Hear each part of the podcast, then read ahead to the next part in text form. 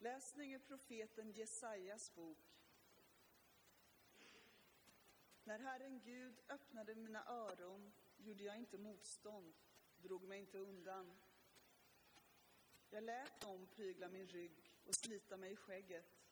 Jag gömde inte ansiktet när de skymfade mig och spottade på mig. Herren Gud hjälper mig, därför känner jag inte skymfen. Därför gör jag mitt ansikte hårt som flinta. Jag vet att jag inte blir sviken. Han som skaffar mig rätt är nära. Vem söker sak med mig? Låt oss mötas inför rätta. Vem vågar vara min motpart? Må han stiga fram. Ja, Herren Gud hjälper mig. Vem kan då få mig fälld? Så lyder Herrens ord.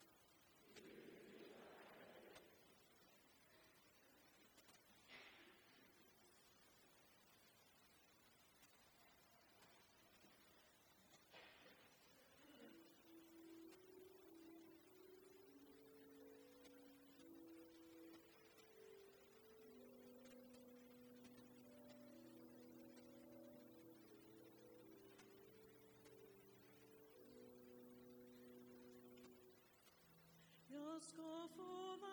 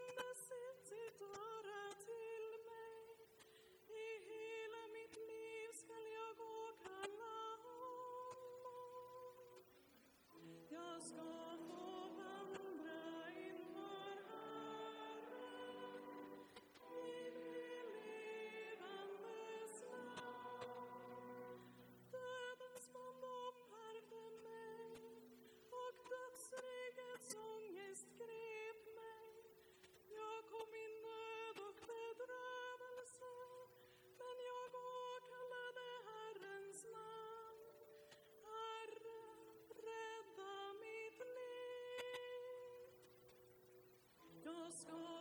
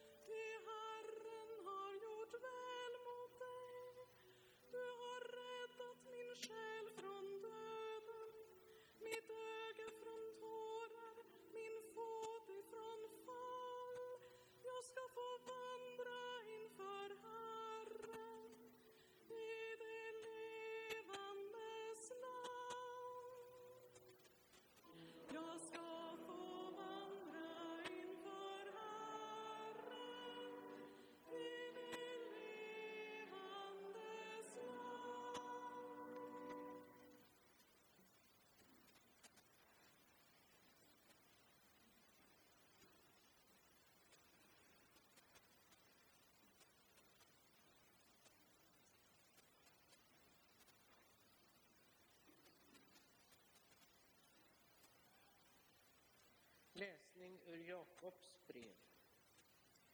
Mina bröder, vad hjälper det om någon säger sig ha tro men inte har gärningar? Inte kan väl tron rädda honom? Om en broder eller syster är utan kläder och saknar mat för dagen, vad hjälper det då om någon säger gå i frid, håll er varma och äter mätta, men inte ger den vad kroppen behöver? Så är det också med tron. I sig själv utan gärningar är den död. Nu kanske någon frågar, har du tro? Ja, och jag har gärningar. Visa mig din tro utan gärningar, så ska jag med mina gärningar visa dig min tro. Så lyder Herrens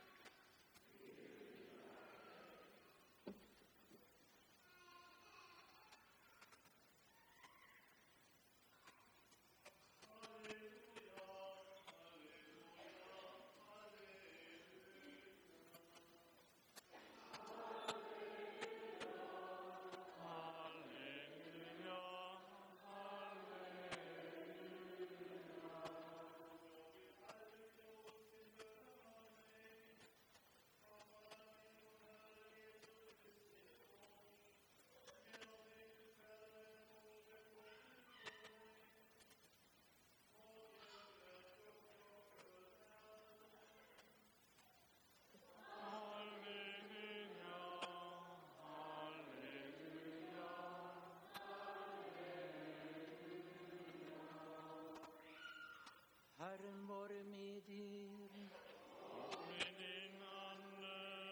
Läsning ur det heliga evangeliet enligt Markus.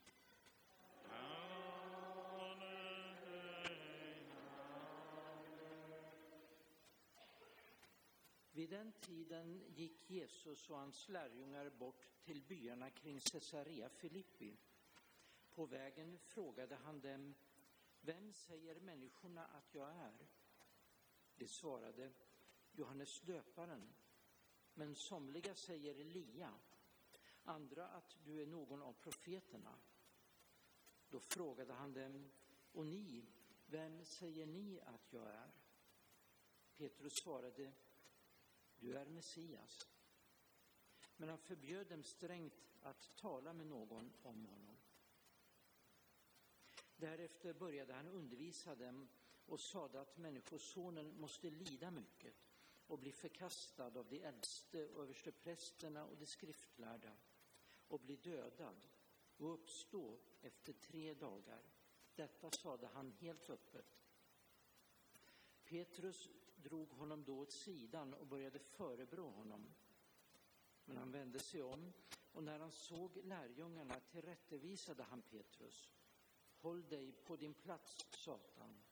Dina tankar är inte Guds, utan människors. Sedan kallade han till sig både lärjungarna och folket och sade, om någon vill gå i mina spår måste han förneka sig själv och ta sitt kors och följa mig. Ty den som vill rädda sitt liv ska mista det, men den som mister sitt liv för min och evangeliets skull, han ska rädda det. Så lyder det heliga evangeliet.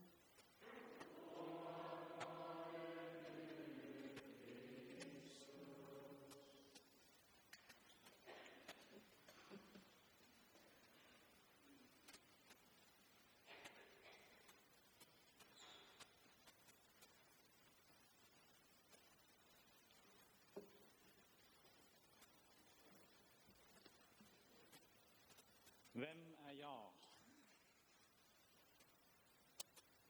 Det är, kära bröder och systrar, frågan som Jesus tycks ställa i dagens evangelium. Man kan ju också vara förvånad över att just han ställer den frågan. Vem om inte han borde veta vem han är? Kunde jag till och med bli irriterad på honom och säga jag har du bråkat i 30 dagar i öknen med djävulen just om denna frågan, vem är jag som Guds son? Och sen under resans gång plötsligen um, undrar du, vem är jag? Om det är bakgrunden, kära bröder och systrar, till Jesus frågan att han har självtvivel då tycker jag är det bättre att vi stänger butiken, avslutar gudstjänsten här och nu och går alla hem. En frälsare som inte vet vem han är eller låtsas veta vem han är, är en ytterst farlig person. Då kan man bara springa om man möter en sådan människa. Men det är nog knappast självtvivel som leder Jesus att ställa denna frågan. Han sitter ju inte i ett hörn och eh, kliar sig på huvudet och ställer frågan vem jag är. Utan han går till sina lärjungar och ställer frågan Hörni, vi håller på att predika hela dagen om Guds rike, om mitt budskap till människor. Vad hör ni att människor har förstått om mig? Har de, begriper de vad jag säger? Begriper de vem jag är?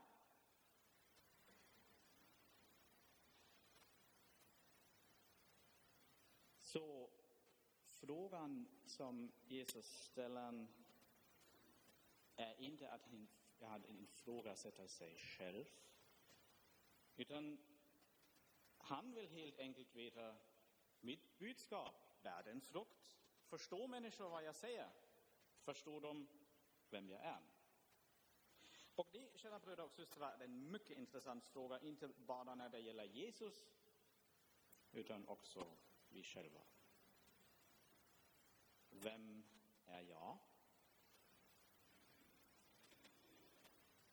Och det kan ju mycket väl, väl vara att jag i och för sig vet vem jag är. Jag har ett självförtroende, jag har en idé vilken personlighet som eh, är inom mig. Men jag upptäcker också, jo, att översätta detta med mitt liv, vem jag är, det är mycket knepigare än vad jag, vad jag trodde. Och det funkar inte i alla avseenden. Ibland har jag känslan, nej, folk begriper inte vem jag är. Jag kan inte förmedla det till dem. Om det berör mig, att jag ibland har känslan, okej, okay, jag vet inte hur jag ska förmedla till de andra vem jag är, då kan man det kanske tåla, men det kan ju bli en mycket tragisk erfarenhet om det handlar om mina nära och kära. Om det handlar om min partner jag är gift med för flera år och efter många år plötsligt upptäcker, jo, fortfarande har jag känslan, jag kan till honom eller jag kan till henne inte riktigt förmedla vem jag är. Det är kanske ännu mer tragiskt de egna barn. Jag tittar i mina barns ögon och upptäcker plötsligt, jo, jag är pappa, jag är mamma till detta barn. Men så riktigt verkar de inte förstå vem jag är och vad jag vill.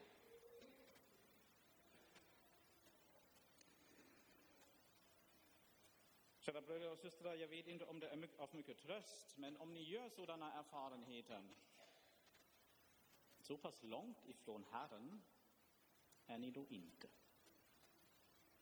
Det tycks mig vara ett ganska grundläggande problem för Jesus Kristus som han troligen kämpade väldigt mycket med och fick också en hel del lida över Att förstå, att iaktta, jo, det gör jag verkligen mitt bästa för att förmedla Guds budskap. Men inte ens mina lärjungar, inte ens Petrus, dagens evangelium, inte ens han har riktigt förstått vad det hela handlar om.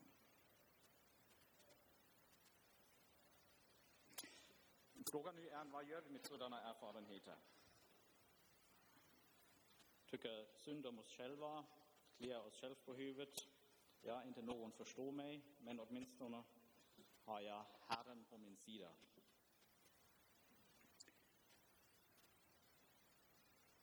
Det gäller i och för sig bara att fortsätta läsa Markus evangeliet. Frågan, vad kommer man efter den här scenen? Och ett kapitel senare då är det uppenbarelse.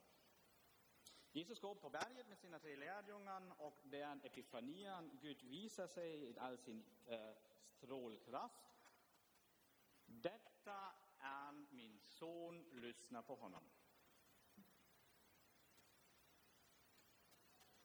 Att detta ljus dyker upp, att människor börjar plötsligt förstå vad som, vem som Jesus är.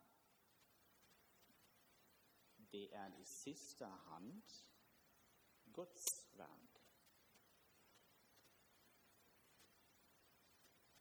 Så mycket Jesus också anstränger sig för att förmedla sitt budskap. I sista ögonblick är det Guds verk, är det Guds nåd som gör att människor plötsligt förstår, aha, det är han.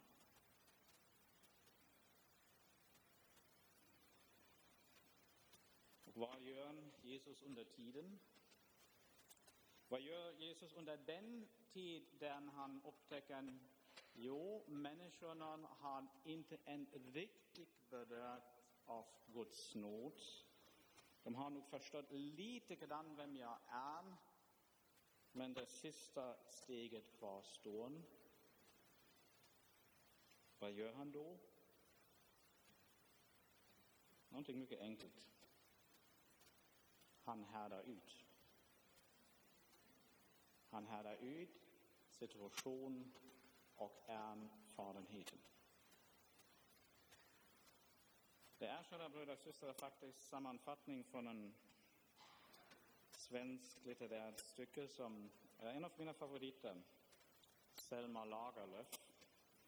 Eh, en herrgårdssägen. Berättaren om en människa, Gunnar Hedes. Och vissa livserfarenheter får han inte, tål han inte. Så vad han gör, han blir tokig. Och efter några år blir han frisk igen, intressant nog, eh, genom en kombination av musik och kärlek. Och då upptäcker han, jo, jag hade blivit tokig under många år. Första reaktionen, ja, det är så pass fruktansvärt, det står jag inte ut med. Så jag vill bli tokig igen. Kan, man kan välja andra vägar. Um, jag står inte ut med vissa livserfarenheter så jag jobbar ihjäl mig. Jag står inte ut med detta så jag skiljer mig från min partner. Jag står inte ut med detta så jag drunknar min smärta i alkohol eller vad vet jag. Som Gunnar i slutändan gör, att han lovar till kvinnan som älskar honom, jag lovar dig, jag ska härda ut.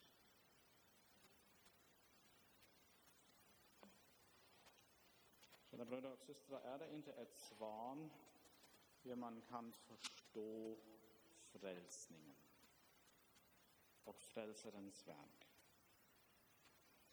Frälsning måste inte nödvändigtvis betyda att allt går bra eller att i slutändan den gudomliga vändning kommer då plötsligt allt är i sin ordning. Kan frälsning inte också betyda nåden att kunna härda ut? Att se vad som har hänt, känna smärtan och ändå säga ja till det.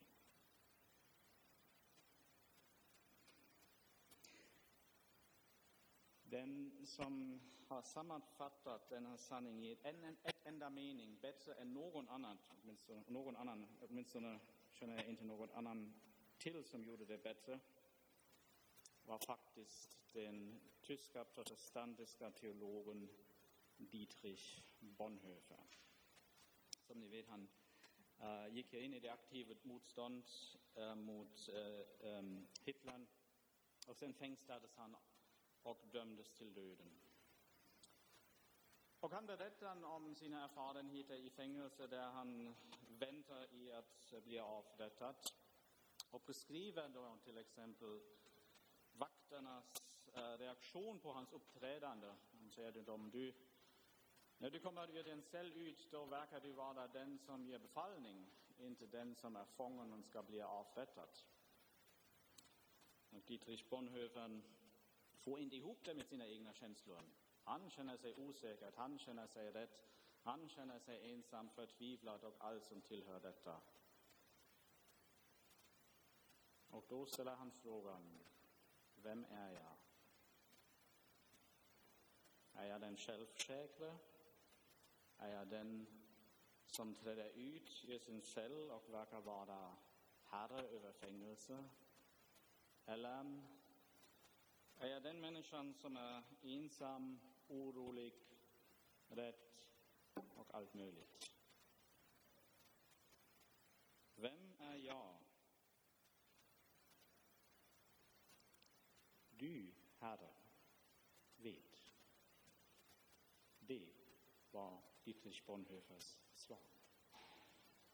Vem är jag? Du, Herre, du vet.